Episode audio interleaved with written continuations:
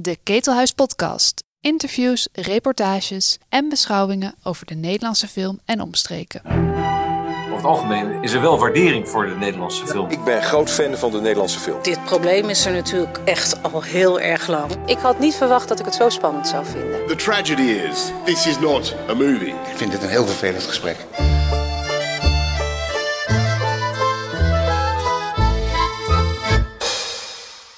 Welkom bij de 63e editie alweer van de Ketelhuis Podcast. En we zitten alweer aan de keukentafel.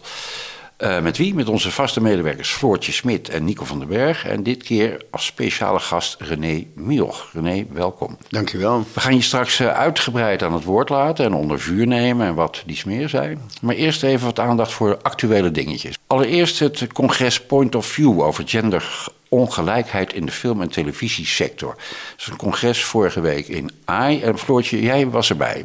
Waar ging het over? Hoe was het? Het ging erover dat er nog steeds te veel genderongelijkheid is binnen de Nederlandse filmindustrie. Dus dat er eigenlijk te weinig vrouwen werkzaam zijn en te veel mannen.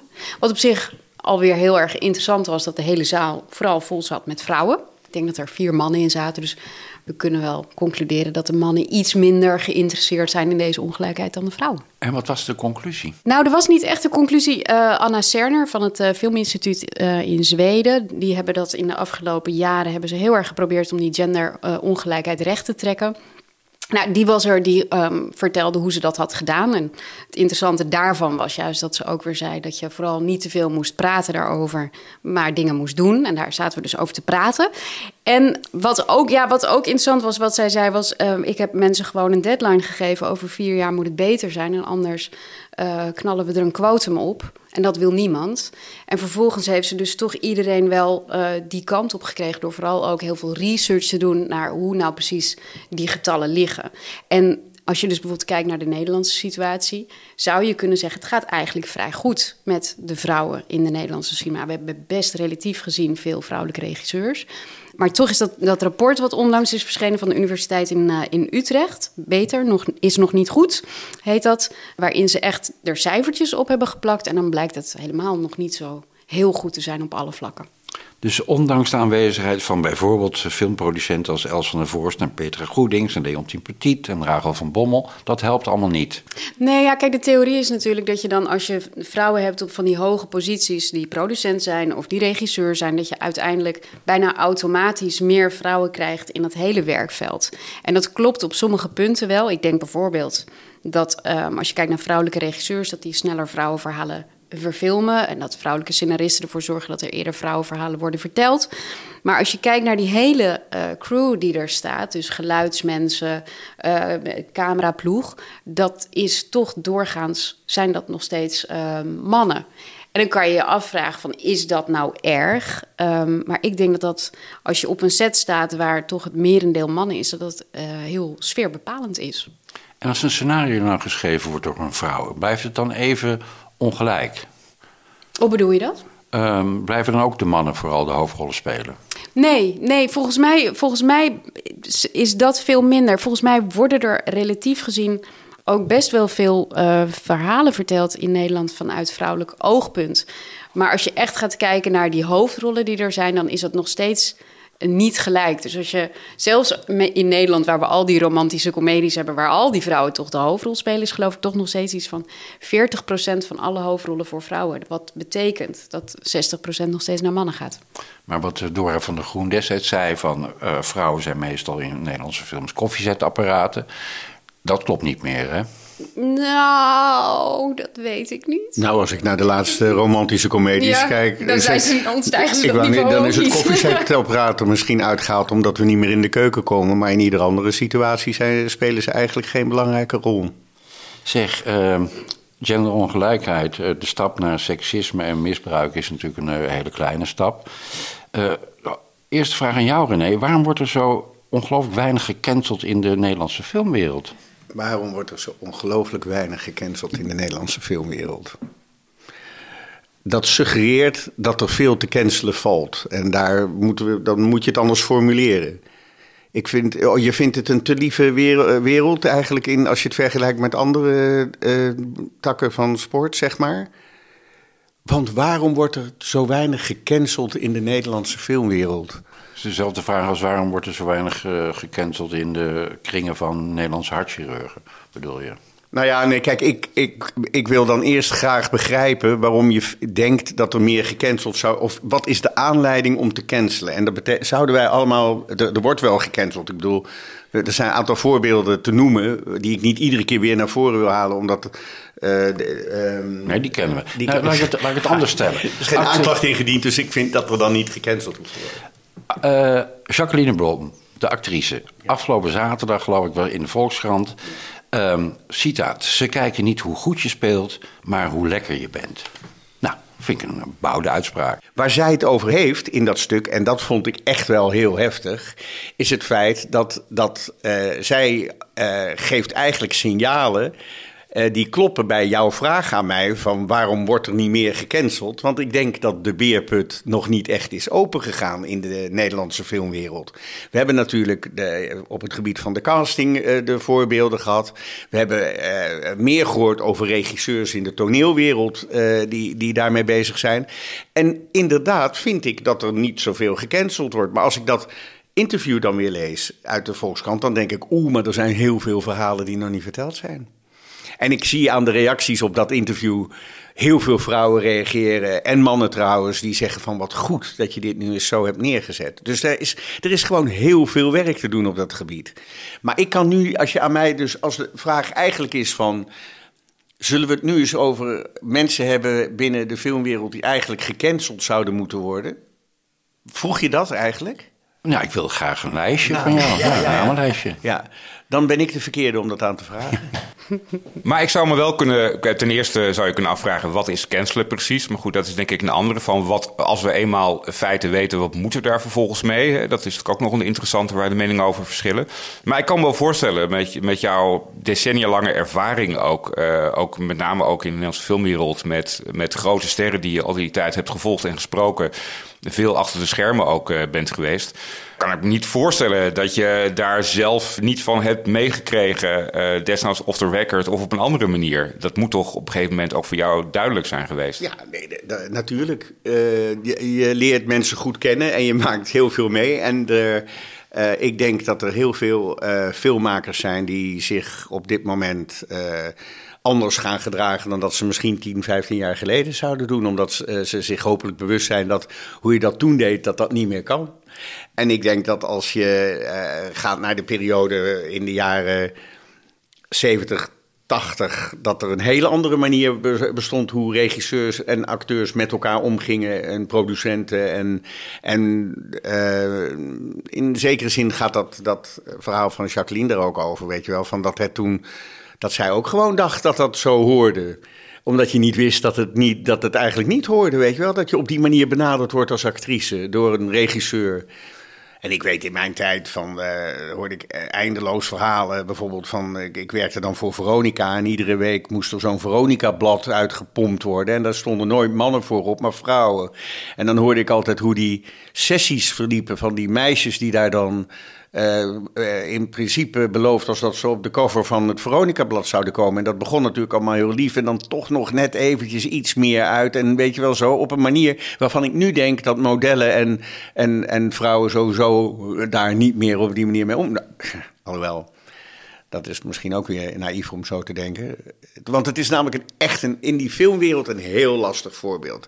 Omdat ik, ik heb ook echt heel veel vrouwen gezien die zich misdragen hebben naar mannen om gewoon in de aandacht te komen. En, uh, en ik vind zelfs nog, wat ik altijd het meest shocking voorbeeld vond, en dat kan ik wel noemen, uh, is dat ik in Cannes, dat gaan we even uit de Nederlandse filmwereld weg, dat ik Uma Thurman in, de, in Cannes zit te interviewen bij Hotel du Cap. En uh, dat was in een periode dat zij, uh, weten we nu, om, daar heeft ze verhalen over verteld, ernstige problemen had met Harvey Weinstein. Ik zit daar, Harvey Weinstein komt zwetend van de tennisbaan met zijn tennisracket in, uh, in zijn hand voorbij. En zij stopt het interview, want ze zegt even Harvey gedag zeggen. Geeft hem een waanzinnige omhelzing. Als ik dan denk van, nou, ik weet niet, in diezelfde periode beschuldigt zij hem nu ook van dingen die in ieder geval die middag niet aan de hand waren. Dus ik, dit is altijd zo'n lastige situatie. Ja, maar het zit natuurlijk met, met en zeker met Harvey Weinstein, is, is het een volstrekt um, uh, onevenwichtigheid in, in macht. Ze moest hem natuurlijk ook op alle mogelijke manieren ook te vriend houden. Dus dit is de manier waarop je dat moet doen. En ik nee, vraag me nee, dus. Nee, dat vind ik niet. Nu moeten we dat niet meer doen. Het punt is, wat, Nee. ik, wat ik probeerde te zeggen, is het feit dat in die periode, dus uh, dat op die manier zo ging waarschijnlijk, en zij zich jaren later ook heeft gerealiseerd dat ze met die man een soort van uh, verschillende manieren om, Hmm. van omgaan had. Om aan de ene kant dus dat te veroorzaken, want hij was belangrijk voor haar carrière en voor Gwyneth Paltrow en iedereen. En maar je zet je dus over een aantal dingen heen omdat je denkt dat je carrière belangrijk is. Ik denk, terugkomend naar de Nederlandse filmwereld, dat dat ook zo was met, met, met regisseurs en producenten en acteurs en actrices. En ik vind uh, dat op zich. Um, de, de, benarde situaties waar ook uh, jongens in gezeten hebben, in dit hele verhaal vaak onderbelicht wordt. Um, want dat was namelijk ook gewoon aan de hand. Jij zei net van hey, de beerput is, is nog niet open. Is dat omdat die machtsverhoudingen misschien in de Nederlandse filmwereld, omdat het zo'n klein wereldje is en omdat um, mensen toch niet durven te praten, omdat er nog te veel mensen op posities zitten van, van macht? Dat dat het punt is hierin?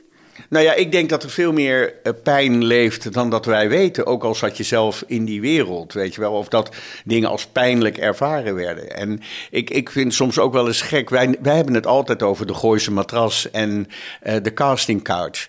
Waarom, heet, waarom zijn dat begrippen die men allemaal gebruikt? Dat is niet omdat je zeg maar bij elkaar blijft overnachten en die overal een bed kunt vinden. Maar dat heeft allemaal te maken met een seksuele uh, gedachte die eraan vastzit. En blijkbaar is in de afgelopen jaren, tot, tot, nou ja, laten we zeggen de afgelopen, voor, is nooit iemand echt opgestaan om te zeggen, jongens, wat betekent dat eigenlijk? En wat is er met de mannen en vrouwen in die tijd gebeurd dat die term ontstaan is? Want ik denk dat het veel verder teruggaat.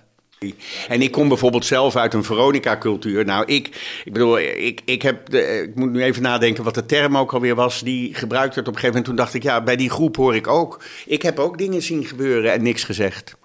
En dat ik vond het ook door, en, en zowel in de filmwereld als, als in de televisiewereld, waarvan ik dacht, uh, uh, nou ja, dat, ga je, dat zeg je niet, dat doe je niet. Zo praat je niet over vrouwen, zo ga je niet met vrouwen om. Maar dat was wel gewoon. Het was niet gewoon, want het stoorde me.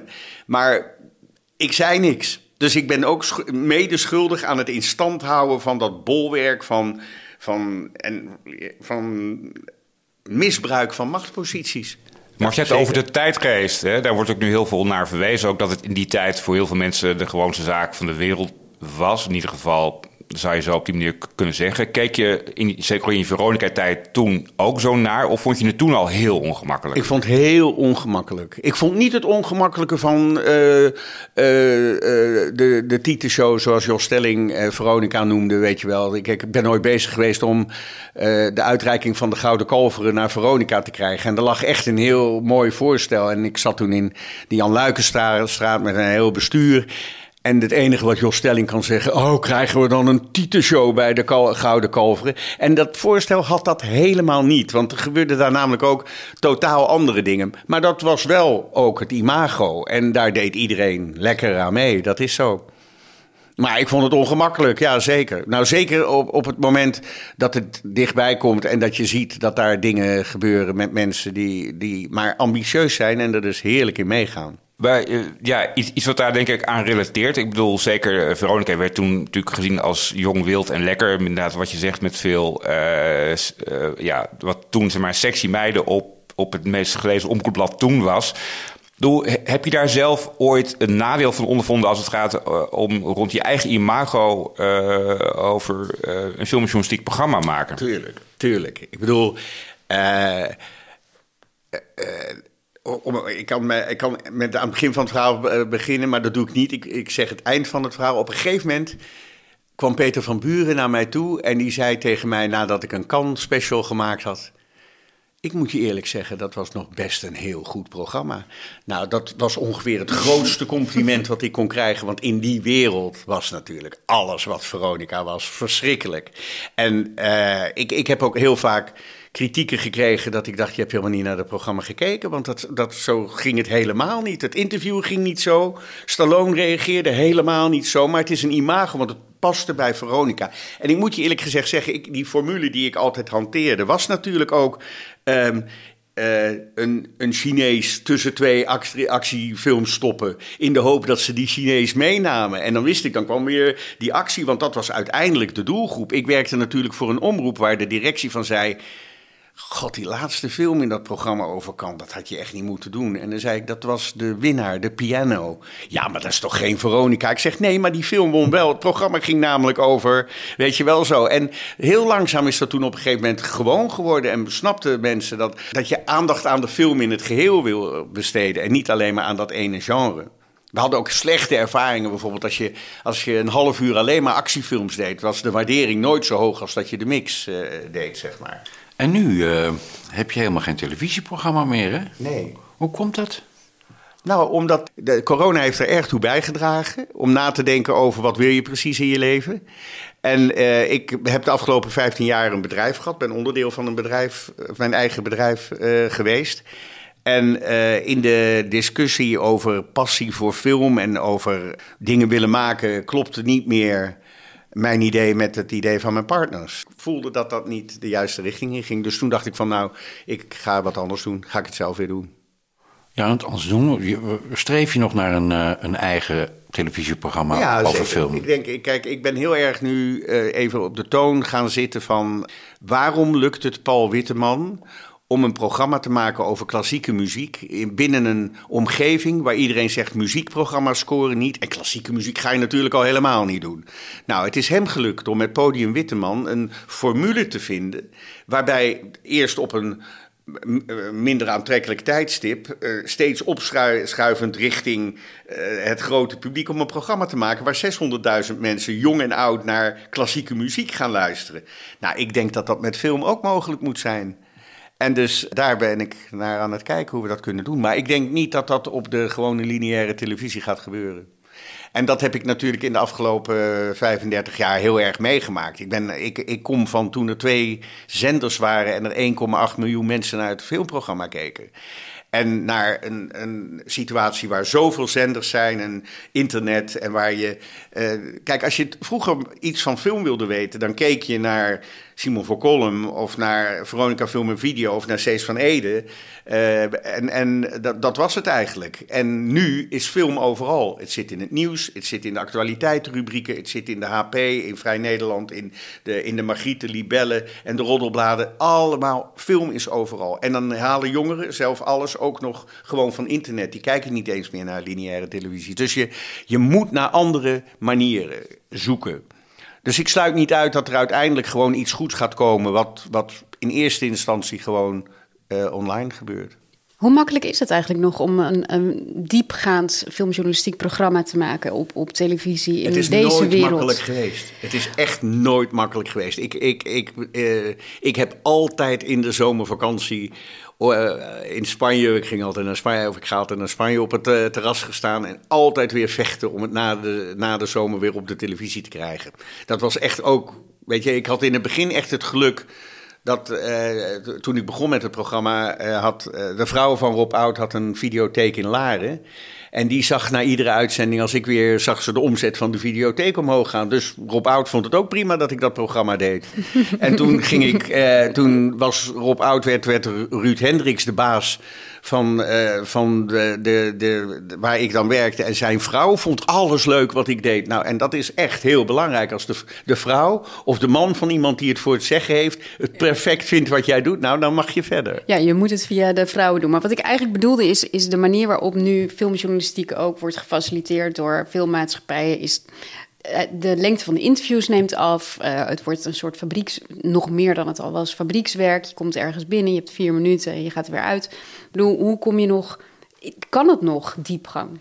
Nou, het enige wat ik altijd vind, want daar krijg ik redelijk energie van, is dat ik, dat ik altijd het gevoel heb dat ik in die vijf minuten nog iets heb kunnen doen waarvan ik in ieder geval dacht van wauw, wat ben ik blij dat ik dit kan laten zien aan andere mensen. En dat gaat natuurlijk als je, voor, als je begint met interviewen en je hebt een interview van vier minuten of vijf minuten met iemand die je, die je niet kent en die beroemd is, dan heb je natuurlijk de neiging om eerst een beetje te proberen aan te voelen voordat je die vraag. Maar dan is het alweer voorbij. Dus je moet eigenlijk, ik zet altijd in mijn hoofd dat ik net doe alsof ik gisteren het vorige interview heb gedaan. Zodat er, er is helemaal geen begin. Begin gelijk met waar ik mee bezig ben. En altijd iets te zoeken waar ze over na moeten denken. Eh, maar ik begrijp wat je zegt. Ik, eh, ehm, eh, vooral als je naar festivals gaat die niet eh, heel druk bezet zijn, dan kom je weer in situaties waar je weer eens een half uur met iemand kan praten. Nou, dat is wel heel erg. Ik wou net prettig. zeggen, die tijd heb je meegemaakt. Dat kan toch niet anders zijn dan dat je daar naar terug verlangt? Nou ja, het ja, ja, tuurlijk, het is heerlijk. Maar het, ik ben wel getraind in het steeds korter doen van interviews en toch iets eruit halen. Maar tegelijk zie je ook in het buitenland, eh, kijk naar België, kijk ook zeker naar eh, de BBC, waar natuurlijk ook een van de langslopende filmprogramma's op tv er ook niet meer is. Ook eigenlijk zeker naar in de Anglo-Saxische landen, naar de teloorgang van de papieren eh, filmmagazines. Ja, het lijkt wel alsof film eh, tegenwoordig alleen maar besproken kan worden online. En dan neem, ik me even de online kranten er ook eh, bij. Terwijl het is een heel visueel medium. Dus eh, ook heel vreemd dat er blijkbaar ook niet alleen in Nederland, maar ook daarbuiten nauwelijks nog aparte ruimte voor is. Hoe, hoe, hoe verklaar je dat eigenlijk? Nou, weet je, kijk, het punt is dat wat lastig is bij film, is dat je eigenlijk met heel veel doelgroepen en heel veel genres te maken hebt. En ook met een hele bijna politieke benadering van film. En dat betekent dat als jij dus eh, voor een specifieke doelgroep een programma wil maken, dan is het oké, weet je. Dus je kan, ik, ik heb nooit begrepen waarom de VPRO bijvoorbeeld opgehouden is met filmprogramma's maken. Want, en, en ook niet heel vaak maakt zo'n VPRO-programma dan de keuzes die, je, die ik bijna zou maken, werkend bij een commerciële eh, maatschappij. Omdat ze denken, ja, we moeten natuurlijk toch eh, ook wel publiek blijven trekken. Terwijl ik denk, nee, volgens mij is juist de opdracht om inhoudelijk filmprogramma's te maken. Waardoor mensen die dat echt graag willen weten, daarnaar gaan kijken. En niet proberen om het zo breed mogelijk te laten scoren.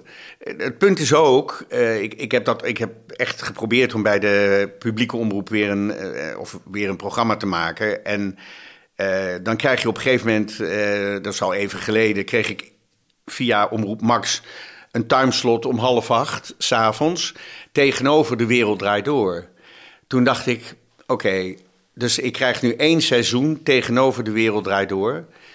Ik word afgevoerd na dat ene seizoen, want die kijkcijfers worden natuurlijk heel slecht.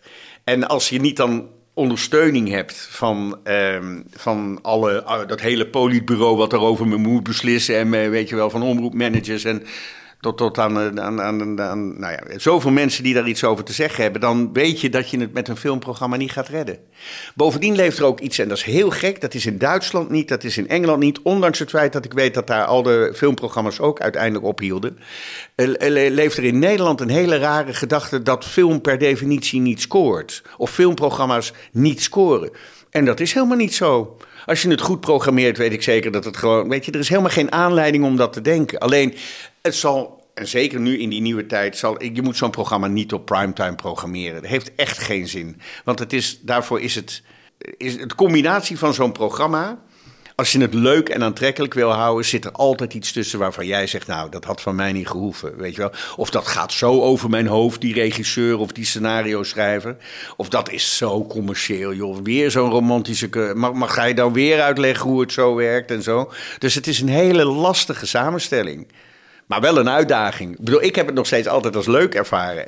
En mijn, mijn, voor mij is, is het nu bijvoorbeeld echt heel leuk, omdat ik, ik ben onafhankelijk. Dus ik zit bij Jinek en ik zit bij Op 1 en ik zit bij Half 8 en ik zit bij Shownieuws, ik zit bij Tijd voor Max. Eigenlijk doe ik nog steeds wat ik altijd doe. Alleen iedere keer kijk ik naar, wat heb ik precies? Oh, Helen Mirren. Nou, ga ik eens Max eens opbellen. Zeg van, jullie, natuurlijk, kom lekker aan die tafel zitten. Oh, Nicolas Cage. Nou, weet je, half acht, helemaal enthousiast over Nicolas Cage. Dus dan, en dan maak ik eigenlijk mijn eigen filmprogramma alleen verdeeld over eh, alle omroepen. Heb je, heb je die, eh, dat filmprogramma van Martin Koolhoven gezien? Ja. De VPRO? Wat vond je ervan? Dat vind ik geweldig. Ik, maar ik begrijp ook dat. Kijk, ik vond het geweldig in vorm. Ik vond het. Kijk, ik hou op zich niet zo van een filmprofessor. Daar heb ik dan iets meer moeite mee, zeg maar. Met, eh, maar, maar binnen de. Binnen, binnen eh, de vorm van het programma vond ik het wel goed, want hij doet gewoon alsof hij alles weet. Dat geloof ik niet, weet je wel. Dus ik, ik, ik, hou heel erg van dat mensen soms ook even de vraag kunnen stellen... of misschien iets zo zoals het is. Heeft Martin weinig last van? Heeft hij, hij is de goede persoon, want volgens mij heeft hij in, het, in zijn dagelijks leven... daar ook weinig last van. Dat hij zich afvraagt of het wel waar is wat hij uh, zegt. Maar, maar ik vind het een hele leuk ge, gekozen vorm, visueel... Ik denk wel dat die vorm zo gekozen is om te denken van dat moet aanspreken, weet je wel, zo. En ik vind, het, uh, ik vind dat er altijd dingen in zitten waarvan ik ook denk: God, wat leuk, wat goed, dat wist ik niet. Hij, heeft, uh, hij is op tournee door langs Nederlandse filmtheaters, maar jij bent ook al sinds, nou, uh, oktober. oktober vorig jaar. Een tournee langs bioscopen vooral. Nou ja, dat, het was opgezet om naar de theaters te gaan. Maar uh, de, de, vraag kwam vanuit de theaters. Die wilden, uh, zeg maar, op momenten dat er uh, niks te doen is, dus tussen producties door, wilden ze graag iets hebben daar. En of dat nou André Kuipers is, die praat over de, reizen naar de maan. Of Fred van Leer, die praat op hoge hakken over mode en make-up en, en travestie weet ik wat. Die vonden dat leuke dingen. En toen zeiden ze, kun jij niet, zou jij niet ook iets over film willen doen? Toen dacht ik, nou, dat vind ik eigenlijk hartstikke leuk met dat archief. En op het moment dat ik begonnen, werd, eh, begonnen was, gingen we eigenlijk coronatijd in. Het gevolg daarvan is dat de theaters, die hebben nu een achterstand aan producties van, die ze in moeten halen. Dus eigenlijk is het nu niet meer nodig om dat te doen. Toen zei Pathé tegen mij, maar hoezo het theater? Waarom niet gewoon in de bioscoop? Dacht ik, ja, ik heb dit al een aantal keren, moet ik je zeggen, ook voordat het vanuit het theater uh, gevraagd werd, ook al eens voorgesteld. Er kwam geen enkele reactie. Maar toen zei ik, nou ja, goed, als jullie dat willen. Nou, toen zei Pathé, zullen wij dan het eerste seizoen doen? Dus tot eind mei. Uh, ik had toen al een aantal boekingen in het uh, theater, dus die heb ik nog gedaan. Maar na de zomer uh, doe ik vrijwel alleen theaters. Nou, ik heb het in Haarlem gezien, eind vorig jaar. Hartstikke leuk. Um, wat ik wel dacht van, je laat heel weinig van jezelf zien. En ik was gaandeweg die avond wel nieuwsgierig ernaar. Ik, ik had eigenlijk gewild dat je wat meer van jezelf had laten zien. Of meer had verteld over jezelf. Begrijp je? Dat mijn ik wat, gemis. Dat ik met wat uh, biechten uit mijn verleden zou nou, komen biechten, over. Iets uh, meer. Nou, zo heet dat, weet je wel. Ja. Ja, dat ja. is niks nee, vond je niet? Ik, nou, ik denk weinig van mezelf. Nou, ik denk dat het allemaal over mijzelf gaat ook, terwijl het heel erg over al die andere mensen gaat. Ik denk dat dat een beetje uh, bij mij past, in de zin van, uh, ik, ik ben geregisseerd uh, door Marieke Prinsen-Geerlichts voor deze voorstelling.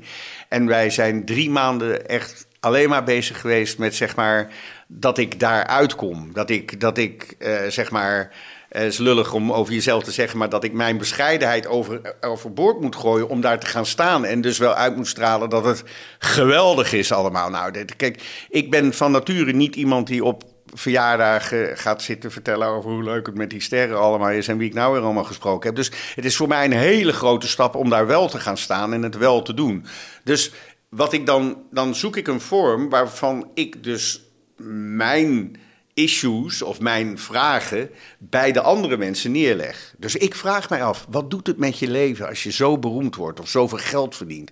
Als je uh, uh, Meryl Streep bent en je moet van het ene naar het andere karakter. En, je, en dan durf je daar te gaan staan en dan denk je, wauw, ik ben goed. En, want ik heb nu zoveel Oscars. En dat vraag ik mij echt af. Dus al die onderwerpen die, daar, die voorbij komen, zijn allemaal dingen die ik mij persoonlijk afvraag. Alleen ik laat de ander daarover praten. En dan hoop ik dat, dat je ernaar kijkt en dat je denkt, goh, interessant, weet je wel zo. Dan ben ik, ik ben de aangever. Ik heb altijd mijzelf um, de, de, de, de tussenpersoon gevoeld. Uh, die, die de mogelijkheid creëert voor jou om dicht bij die filmmakers te komen. Je blijft dus bescheiden. Het is niet zo, uh, kijk mij nou eens even. Nou, ik vind dat het langzaam. Ik vind van wel als ik me daar zie staan, eerlijk gezegd. Maar dat valt ongelooflijk. Nou, nee. Dat, nee, dat is niet het geval. Oké, okay. zeg. Nou, oké. Okay. Nou, fijn. Of misschien niet goed. Kan ook nog. Dus dan moet ik daaraan werken. Als je, neem ik aan, voor die theatershow heb je heel veel archiefmateriaal teruggekeken. Je zal nog heel veel in herinnering hebben, maar misschien ook verrast zijn. Ook met name door jezelf. Toch maar weer even over jou. Uh, je bent ook een ongelofelijke uh, vakman. Je hebt heel veel professionaliteit opgebouwd in al die jaren. Um, maar zie je bij jezelf ook een ontwikkeling in de manier waarop je filmjournalistiek uh, via die programma's hebt bedreven. Ehm, en welke ontwikkeling zie je dan bij jezelf als je daar zo op terugkijkt? Nou, het, het, spreekt eigenlijk een beetje tegen. In, in, kijk, en eh, filmjournalistiek vind ik altijd een heel groot woord. Hè? Dus wat soms staat er, als ik op televisie verschijn, eronder filmjournalist. Ik ben geen filmjournalist. Jij bent een filmjournalist. Uh, Hans Berenkamp, jij bent een filmjournalist. Jullie zijn filmjournalisten. Jullie schrijven mooie, grote stukken.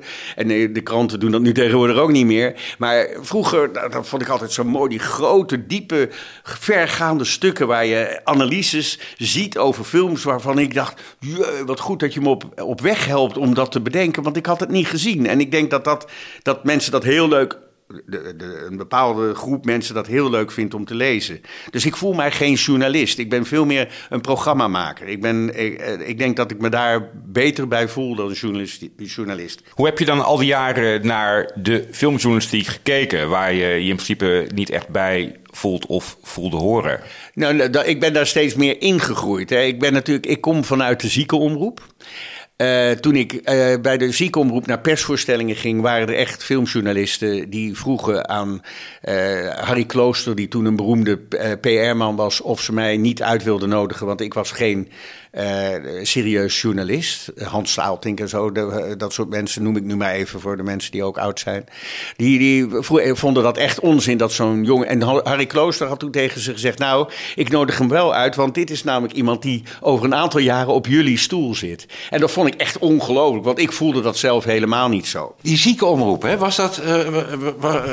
Zond je uit in één ziekenhuis of was het een keten van ziekenhuizen? Ja, in het begin één ziekenhuis en later werden dat, was dat in Amsterdam een gekoppelde situatie. Maar je was dus programmamaker bij een ziekenomroep toen je voor de eerste keer naar, naar Cannes ging, toch? Ja, zeker.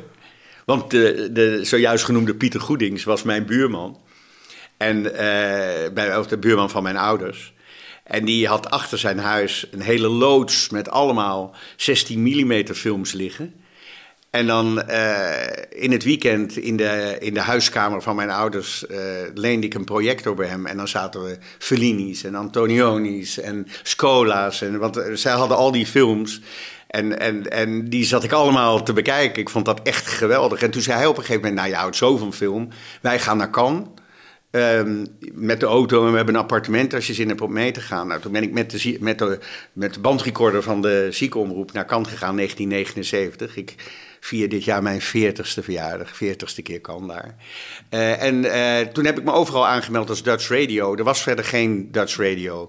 En uh, dat werkte, want ik heb, ik heb echt Mel Gibson voor Gallipoli. Ik, ik was voor Apocalypse Now. Ik wist niet eens hoe belangrijk die film was. Maar ik, bij de persconferentie en daarna met Coppola dingen gedaan. Ik heb met, met John Huston voor Under the Volcano interviews gemaakt. Ik, ik bedoel, het is belachelijk wat ik deed voor de ziekenomroep. Coppola interview voor de ziekenomroep. ja, wel goed En Jack hoor. Nicholson. Ja. Op straat. Weet je nog De enige keer dat ik hem officieel heb kunnen interviewen. Op straat. Op straat. In Cannes, in ja. de, de, eerste keer dat je daar was. Dat was de, de Postman Always Rings Twice. Dat was de eerste of de tweede keer dat ik daar was, ja. Ja. Jaloersmakend vind ik het. Maar weet je, wat, het, het, ik, het, is niet, het is niet eens bewust zo gedaan. Het was vanuit, ik ben daar, dat ga ik ook wel doen, weet je wel, zo. En het werkte. En, en, kwam, en, en, en, bijvoorbeeld zo'n Jack Nicholson, die kwam je op straat tegen. Dus daar ging ik gewoon naartoe en dan zei mag ik u twee vrouwen, weet je wel. Nou, en dan deed hij het toch. En, dat, ja, en ik vond dat leuk om dat gewoon te proberen en te vragen. Waarom is het later nooit meer gelukt met die Nicholson? Uh, Nicholson doet geen televisie-interviews. Dus hij, ik heb hem heel echt, ik, nou, ik heb hem zeker vijf of zes keer uh, in Amerika een aantal keren gezien en gesproken. En, en in Cannes ook nog een keer. Maar hij vindt, uh, hij vindt uh, tv slecht voor de acteur. En uh, ik vertel het in mijn theaterprogramma ook. En ik, nou, ik denk namelijk dat hij gelijk heeft. Het gaat namelijk hierom, hij zegt, als ik een tv-interview doe en ik ben in een zagrijnig uh, humeur, dan gaan mensen daar naar kijken en die zeggen, nou die Jack Nicholson in het echt is ook helemaal niet leuk. Het is een hartstikke zagrijnige man, je zag, ik zag hem op televisie. De eerste tien minuten van de volgende film die hij gemaakt en jij gaat naar de bioscoop, zie je, de, zie je hem op het grote witte doek en denk je, dat is echt een hele zagrijnige man. Dus mensen gaan anders kijken naar de acteur Jack Nicholson in dit geval. Ik denk dat hij gelijk heeft. Alleen, ja, ik zeg het nooit hardop, want anders doet niemand meer interviews. En als je het zo doortrekt, moet Frank Lammers ook geen uh, commercials doen dus. Ik, eh, commercials doen vind ik wat anders. Ik vind het lastiger om bijvoorbeeld Martin Koolhoven of Tim Oliehoek uh, televisieprogramma's te zien presenteren. Daar heb ik iets meer last van omdat je ze dan minder serieus gaat nemen? Of? Omdat ze praten over het vakgebied van een ander en daar dan iets over gaan zeggen en daar iets over vinden op een manier waarvan ik denk: oké, ik ga nog even nadenken over jouw film. Weet je wel? en hoezo ga jij nou daar staan te vertellen dat het allemaal niet zo goed gelukt is? Nou, weet je, ik vind dat een ingewikkelde. Omdat hij het over vakbroeders heeft? Ja, omdat je, ja. En, je allemaal in dezelfde. Uh, in hetzelfde beroep probeert iets te maken wat eigenlijk niet beoordeeld moet worden door, door, uh, door vakgenoten in entertainmentomgevingen. Uh, ik zou dan liever hebben dat hij als specialist wordt uitgenodigd om. Wat hij voor een deel ook doet. Maar hij, hij, ik denk dat Martin nog iets meer bij zijn, bij zijn beroep uh, blijft. als dat uh, Tim dat moet doen. Omdat hij gewoon bij Boulevard zit. Maar ik vind dat wel lastig, lastiger om naar te kijken. Wat erachter zit ook nog is dat, dat je daarmee uh, filmdeskundigen feitelijk niet uh, serieus neemt als filmdeskundige. Iedereen kan, hè, je kan ook een regisseur neerzetten, je kan een acteur laten uh, praten over acteerprestaties. Het, het, het devalueert jouw vak. Mijn vak? Nou, misschien heb je daar een beetje gelijk in. ik zit nu, op de een of andere manier in de talkshows vinden ze het leuk om iedere keer twee mensen over een film te laten praten of zo. Dus ik word iedere keer gekoppeld aan iemand anders. Misschien ook om, wat ik ook begrijp van uh, een jongere generatie, prima. Geza Wijs. Nou, Geza Wijs. Die wordt, dat, ik mag Geza heel graag en zo. Maar dan zit ik in, uh, in dat programma en hij zegt in een, de eerste keer dat ik zat, zei hij, ja, ik wil heel graag de nieuwe René Mioch worden. Oké, okay, prima. Joh, ik zit erbij. Ga, ga je gang, graag. Maar dan laat ik hem voortgaan. Het ging over. Volgens mij ging het over Spencer, de, de film. Ik heb twee keer gezeten. Ik laat hem voorgaan. En hij vond het helemaal niks. En hij, die film gaat ook niks doen met de Oscars. Nou, moet ik zeggen dat hij daar gelijk in had. Ik dacht dat op dat moment niet, maar ze werd wel genomineerd. En vervolgens ging hij uitleggen waarom hij niks vond. Toen kreeg ik het woord en ik ging vertellen wat ik van die film vond. En ik zei, het gaat over een vrouw in verwarring. En, die, en het, het, is toevallig een prinses, maar eigenlijk had het ook gewoon... Het gaat over iedere vrouw in een relatie of met een, over, een nare schoonfamilie en dit. En, en hij zit te kijken en toen zei hij, oh, dat heb ik helemaal niet bedacht. Heb ik helemaal niet bedacht. Zo heb ik helemaal niet... Oh, echt zo'n openbaring. En toen dacht ik, oh, ja, dat zou ik dus niet doen. Weet je, dat is. Dan, en dan denk ik, waar, hij kijkt op een andere manier. Hij, kijkt, hij is een acteur. Hij kijkt naar. ik, ik, had gehoopt dat hij dan in dit geval. En ik, ik ga daar absoluut nog met hem over doorpraten analyse van, joh, je kijkt naar die, misschien wel niet uh, uh, Kristen Stewart, maar een van de andere acteurs die opvalt omdat hij zegt, nou, het is ongelooflijk wat die man daar staat te doen. Want vanuit mijn vak zie ik in die omgeving en je moet zo'n soort karakter neerzetten, snap ik wat daar gebeurt. Dus dat die, en je moet echt naar die man kijken, dat is geweldig. Even over de Nederlandse film, denk ik. Ook een, ook een onderwerp waar je uh, heel goed in thuis bent en zeker al geruime tijd volgt. In, in wat voor staat zit de Nederlandse film nu volgens jou? Nou, ik, ik, je, je, stelt eigenlijk de, de, de, vraag op een goed moment. Want um, ieder jaar wordt er weer gesproken over waarom is er geen Nederlandse film in Cannes bijvoorbeeld. Waarom is er geen Nederlandse film in Venetië of op Berlijn. Of misschien wel in de bijprogramma's kom je soms iets Nederlands tegen. En waarom is er wel een hele kleine film uit Colombia gewoon gelijk in het hoofdprogramma of uit noem maar wat. En waarom al die Belgen wel? Want het is bijna een Belgisch uh, programma dit jaar in, in, in Cannes. En ik zat erover na te denken en ik heb de, iedere keer even zo'n bommetje laten vallen in de afgelopen anderhalve week bij mensen in, in die filmwereld, bij producenten en zo. En, bij, en ik denk dat, dat wij een land geworden zijn waar uh, mensen geen risico meer durven te nemen. En waar mensen denken dat je als filmmaker een producent nodig hebt om je film te maken. En ik denk dat we daar heel snel vanaf moeten. En dat. En dat Kijk, ik, ik ben bij Shortcuts uh, betrokken. Korte filmmakers, jonge talenten die nieuwe dingen laten zien. Nou, daar zie ik fantastische dingen. Daar zijn nieuwe filmmakers gewoon bezig met weinig film, uh, met weinig geld, hele mooie dingen te maken. Dus het talent is er wel. Want ik geloof dat ik ergens een groep heb. Ik ga nu twijfelen, zullen we in Nederland het talent wel hebben? Ik denk dat het talent er wel is. Ik denk dat alleen iedereen denkt dat je, dat je als je een film wil maken, dat je uh, gedwongen bent door hoe het fonds in elkaar zit en zo, uh, naar een producent te stappen. En die producent gaat zich met je idee bemoeien. En na de verloop van tijd is het idee jouw idee niet meer. En je, doet je doet dan maar mee om geld te krijgen van het fonds. En ik denk dat het uiteindelijk toch gaat, en het is makkelijker praten vanaf de zijkant. Maar ik denk dat het toch gaat omdat je gewoon vanuit een ambitie, desnoods met je iPhone een film moet gaan maken. En die, die iPhones zijn tegenwoordig zo goed dat het kan gewoon op het grote scherm uh, afgespeeld worden. Maar dat je je eigen idee, je eigen, dat script ligt er best wel. Mensen hebben mooie verhalen geschreven. Uh, dat talent om films te maken, dat is er zeker wel. Alleen ze denken altijd dat je dan naar.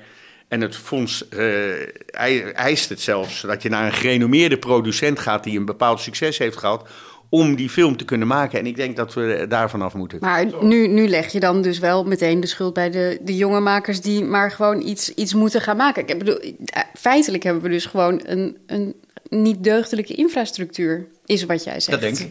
Dat denk ik. Maar dan moet je dat toch veranderen. En niet... Nee, maar dus nee, ben ik helemaal met je eens. Ik leg de schuld niet. Ik vind dat we uh, de jonge filmmakers, en ik zou je zeggen, ik ben gisteravond uh, ermee begonnen, die moet ik gaan zeggen dat ze dat niet moeten gaan doen. Dus die moeten begeleid worden in een ander soort denken. En wat, want wat je namelijk doet, is als jonge filmmaker wil je heel graag van jou en mij allemaal horen hoe, ze het moeten gaan doen. Want ze wil en dan ze zeggen wel gauw, nou, ik zou eens met die producent gaan praten. Want die is nogal dat soort genrefilm wat je nu wil maken. Oh, die houdt daarvan. En vervolgens zitten ze in de tangels van zo'n producent die dan denkt: oh, hoe moet ik hier geld voor bij elkaar uh, gaan halen? En die gaan op de traditionele manier geld bij elkaar halen. En die film die moet dan ineens een miljoen kosten, terwijl hij misschien ook voor een ton gemaakt. Ik chargeer. Maar meer van: ik denk dat we weer terug moeten naar de ambitie en niet uh, uiteindelijk naar uh, het, succes wat het ooit zou kunnen zijn. Is een, een, draai niet momenteel toch twee uitzonderingen op wat jij zegt? Hè? Neem Along the Way van Mijke de Jong en Met Mes van Sam de Jong. Dat lijken uh, films waarin de auteur zijn gang kon gaan en niet uh, een knieval heeft gemaakt. Nee, maar dat zijn de uitzonderingen. Mijke is een voorbeeld van iemand die dat volgens mij nog nooit gedaan heeft. En misschien heeft ze het wel eens een beetje gedaan, maar is ze zo sterk dat ze dan toch haar eigen uh, kracht erin zet en het, dat maakt wat ze, wat ze wil doen. Ik vind met mes, vind ik echt, je, je noemt goede voorbeelden. Volgens mij uh, zijn dit uh, mensen die krachtig erin staan. Maar ik denk dat als je ze hier aan tafel zou zetten, dat ze wel begrijpen wat ik zeg. In de zin van dat het systeem waar we in zitten met z'n allen, dat daar echt iets aan moet gaan gebeuren. En de oplossing is, hoe zou je dat systeem willen veranderen? En welke knop moet er gedraaid worden? Ik wil niet vervallen in dezelfde fouten die iedere keer weer gemaakt zijn door te zeggen. Als, kijk, want je, je, je, je moet namelijk op, op, op heel veel niveaus nadenken wat er dan zou moeten gaan veranderen. En dat betekent al met hoe uh, het Filmfonds omgaat met, met, met de specialisten die daar zitten, hoe die de jongeren benaderen, wat die van hen eisen, hoe die zich bemoeien met de inhoud van hun scripts en zo. Het is, daar gaat het al helemaal mis, naar mijn idee. Tegelijkertijd gaat het ook om producenten die allemaal zeggen: ja, maar we moeten wel zo doen, want om geld bij elkaar te halen, wordt van ons dit. Dus die, kijk, er, moet infrastructuur, een nieuwe infrastructuur komen. Daar ben ik van overtuigd. En ik denk, maar dat, dat is ook al, roepen mensen jaren, dat het is, je moet ook kijken naar wat gebeurt er in België en wat gebeurt er in Scandinavië. Want nog steeds gebeuren daar dingen. En, ik, en dan gaan mensen zeggen, ja, maar op politiek niveau worden daar hele andere beslissingen genomen, waardoor het systeem uh, anders werkt. Dat zal allemaal wel zo zijn, maar we moeten alleen concluderen dat het in Nederland niet werkt. Zie je daarin ook een rol voor jezelf, uh, om daar actief mee aan de slag te gaan? Nou, uh, nou ik, indirect ben ik daar best wel actief mee aan de slag. Want ik praat er graag over mee als ik daar de gelegenheid toe uh, krijg. Maar ik zie eerder een rol om daarin in communicatie en begeleiding in te doen. Om te zeggen van laten we eens onderzoeken hoe die nieuwe infrastructuur dan zou kunnen gaan. Kijk, mijn ideaal, en ik ben dat daar, al een paar jaar over aan het nadenken. En dat lukt helemaal niet. Het mooiste is natuurlijk om gewoon, net als in Amerika vaak gebeurt, ook bij de onafhankelijke film, om een groep betrokken rijke mensen te krijgen die gewoon uh, geld over hebben om bijvoorbeeld uh, nieuw talent uh, te laten. En de, de VPRO is nu bezig met nieuw talent. Ik bedoel, het gebeurt allemaal wel, maar dat is toch binnen de constructie of binnen de afspraken van de VPRO publieke omroep. Dus daar wordt toch op een bepaalde manier, er wordt niet onafhankelijk of los gedacht over van wat nou werkelijk goed is voor dat ene project. Het moet passen binnen, weet je zo ik, ik weet niet of dat een rol is die ik direct ambieer. Ik vind het wel leuk om mee te praten over om, om, het, om, het, uh, om de verandering teweeg te brengen. Ja. Hoe is het uh, om een icoon te zijn, René?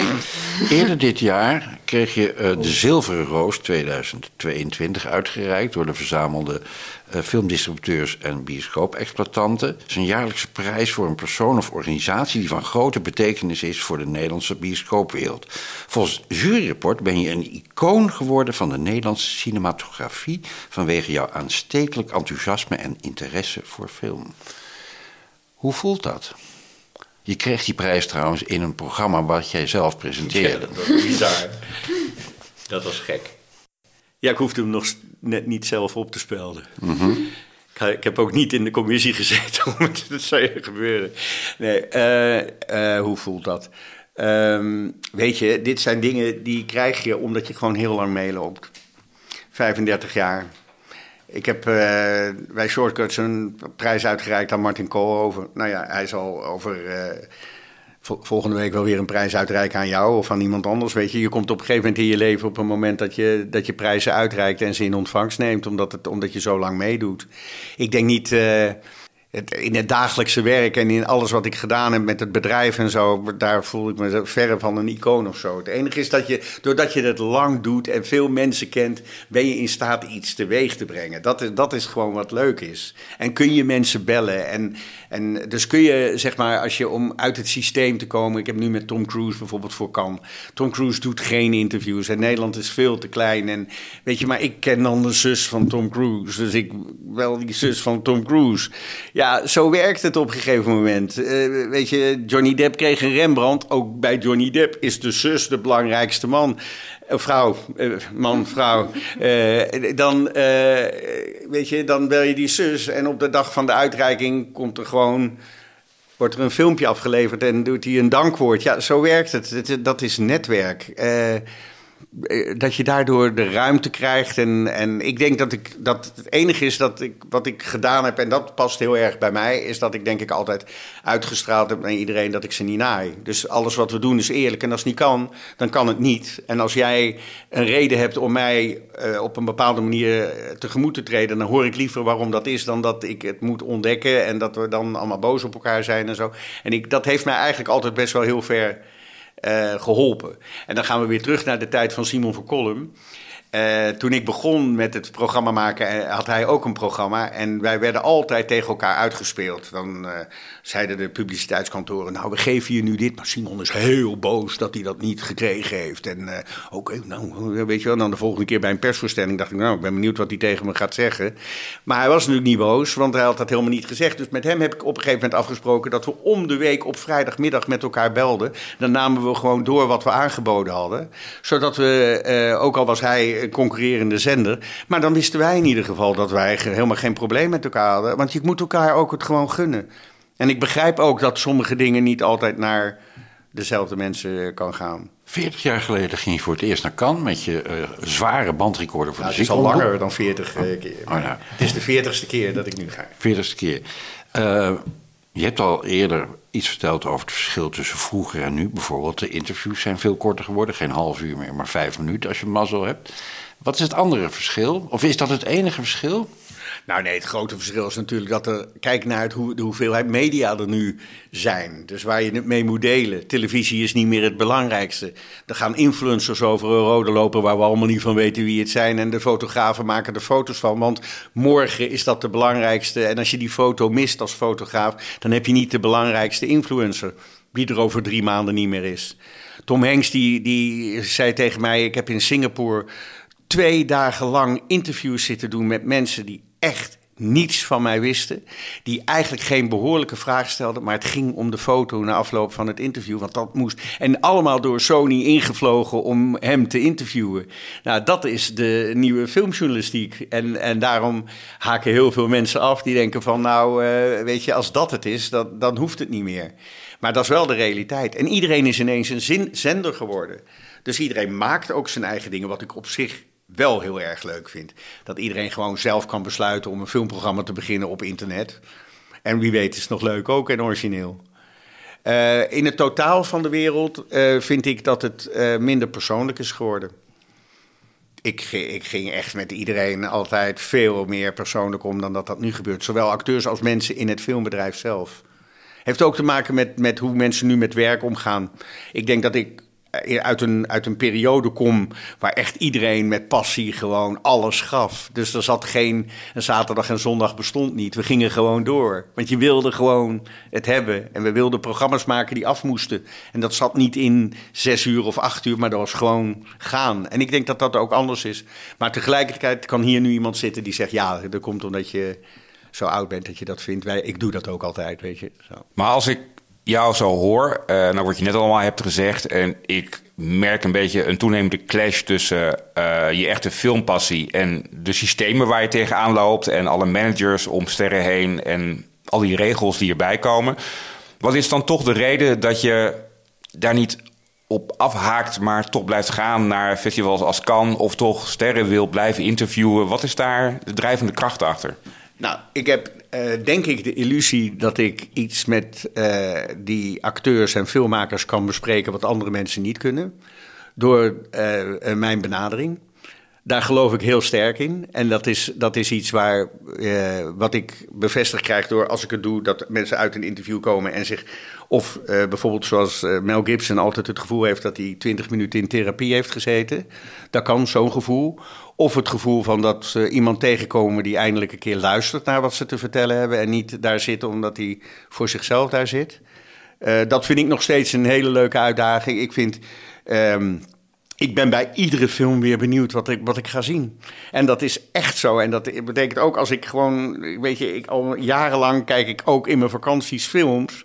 Omdat ik het, het is gewoon zo'n onderdeel van mijn leven. En andere mensen lezen heel veel. Ik kijk heel veel films. En ik, uh, ik voel het ook als een verrijking van mijzelf. Ik leer heel veel van films. Over politiek, over relaties, over, over, over klimaat, over, over uh, flauwekul. En, en, en ik vind het ook heel leuk om slechte films te zien, want ik realiseer me dat ik daardoor goede films kan beoordelen op goed. En daardoor moet je gewoon constant blijven kijken. En ik heb echt, en ik heb het nu echt moeilijk, want ik vind ineens al die series vind ik ook hartstikke goed. Je komt niet meer buiten als je niet oppast, weet je wel zo. Maar ik vind het wel, ik vind het wel leuk.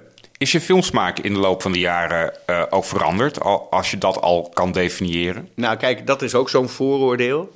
Uh, en, en, een aantal mensen zijn er altijd over verbaasd als ik ze tegenkomen. Sommigen zeggen, ik weet het, ik weet het. Kijk, mijn filmsmaak is helemaal niet de smaak die ik stopte in de eerste tien jaar van mijn televisieprogramma maken. Ik, ik vind actiefilms hartstikke leuk en ik hou heel erg van Hollywood. Maar als je, uh, als je echt kijkt naar wat ik met plezier kijk, denk ik dat ik het meeste geniet van documentaires. Vind ik echt daar dat, dat bovenop mensen zitten en te kijken wat daar gebeurt, vind ik geweldig. En ik, ik word geconfronteerd met onderwerpen waar ik nog nooit over nagedacht heb. Maar iemand heeft bepaald dat ik dat moet zien en dat vind ik geweldig. Um, en ik ben, ik, ik vertelde het je net, ik ben eigenlijk uh, opgegroeid uh, in het leven van uh, Pieter Goedings door, met de, de keiharde arthouse films. En daar hou ik ook ontzettend van. Ja, dat is alleen heel lang, was dat mijn vrije tijdsbesteding. Want ik moest natuurlijk al die Hollywood films en dan moest ik vrij maken om, weet je, Ik, eh, ja, dat, zijn. Maar meer van, ik in het begin met de ziekenomroep, ik ging ook naar het filmfestival van Rotterdam. Ik zag al die films, alle Poolse en Russische films, heb ik allemaal gezien in die periode. Want dat vond ik echt leuk. Alleen toen heb ik die, ik ben op een gegeven moment die richting uitgegaan, omdat ik de mogelijkheid kreeg bij Veronica om het op die manier te doen. Nu ben je denk ik qua karakter, ben je uh, je lijkt niet iemand met wie je heel snel ruzie krijgt, volgens mij. Je, je hebt een, volgens mij een hele open benadering, ook in interviews. Uh, vooral een hele geïnteresseerde. Maar goed, de filmwereld zit ook vol van haantjesgedrag en van grote ego's en weet ik wat. Ik bedoel, hoe, hoe vaak heb je, heb je daar ook, ondanks je karakter, ruzie met mensen gehad? Ook in de Nederlandse filmwereld? Nou, ik heb alleen maar ruzie gehad met de mensen waar het voor de hand is, ligt dat je daar ruzie mee krijgt. Uh, met Rob Houwer, uh, met uh, Matthijs ook een keer. Met een, periode heeft Jean van der Velde niet met me gesproken omdat hij vond dat ik wit licht niet goed benaderde of zo. ja, dat kan. Lange tenen zijn er natuurlijk overal. Dat, ja, maar kijk, die filmwereld is best een hele autistische wereld. Dus ik bedoel, dat vond ik vanaf het begin al. Dus ik, ik, ik bedoel, ik heb ook omgangskunde gestudeerd. Ik ben blij. Dus ik bedoel, ik heb wel eens gezegd... de filmwereld is gewoon één grote psychiatrische inrichting. Als je kijkt hoe die mensen met elkaar omgaan allemaal. Soms belachelijk. Ik was echt blij dat mijn persoon, persoonlijke leven er anders uitzag. Ik heb heel weinig mensen uit de filmwereld in mijn privéleven. Maar om, omdat het is apart, die structuur van hoe, die, hoe iedereen daar met elkaar omgaat. Maar ik vind het wel interessant. Ik vind het wel interessant. En, en ik ga die ruzies ook niet. Ik hou er niet van. Ik ben niet echt iemand, daar heb je gelijk in van. waar je nou enorm conflict mee uh, kan krijgen. Maar het kan wel. Het kan wel. Ja. Hoe kan je jou boos krijgen? Zelfs dat is redelijk uh, ingewikkeld. Uh, want ik ben wel in situaties geweest dat mensen zeggen: maar had je niet de neiging om even met de schroevendraaier om die auto heen te lopen? En dan ben ik, heb ik blijkbaar toch zoveel controle of omgaan met weerstand geleerd. Dat ik dat, uh, dat, ik dat, uh, dat, ik dat kan. Ja. Heel boos krijgen is. Oneerlijkheid kan ik heel slecht tegen. Maar boos is boos. Ja, ik, ja, ik gooi niet met dingen. Ik schreeuw niet echt. Maar mijn kinderen zullen zeggen van... nou, wij zien wel aan hem eh, wanneer hij boos is. Die zien wel aan mij wanneer ik boos ben als je mij kent, zie je wel wanneer het niet zo lekker gaat. Dankjewel voor dit gesprek, René. Dankjewel. Leuk. Tot zover deze Ketelhuis podcast. Je vindt de Ketelhuis podcast in je favoriete podcast app en natuurlijk op onze website ketelhuis.nl/podcast. Abonneer je vooral zodat je geen enkele aflevering mist en leuk als je een reactie achterlaat. Hou ons in de gaten, we zijn snel weer terug met een nieuwe podcast.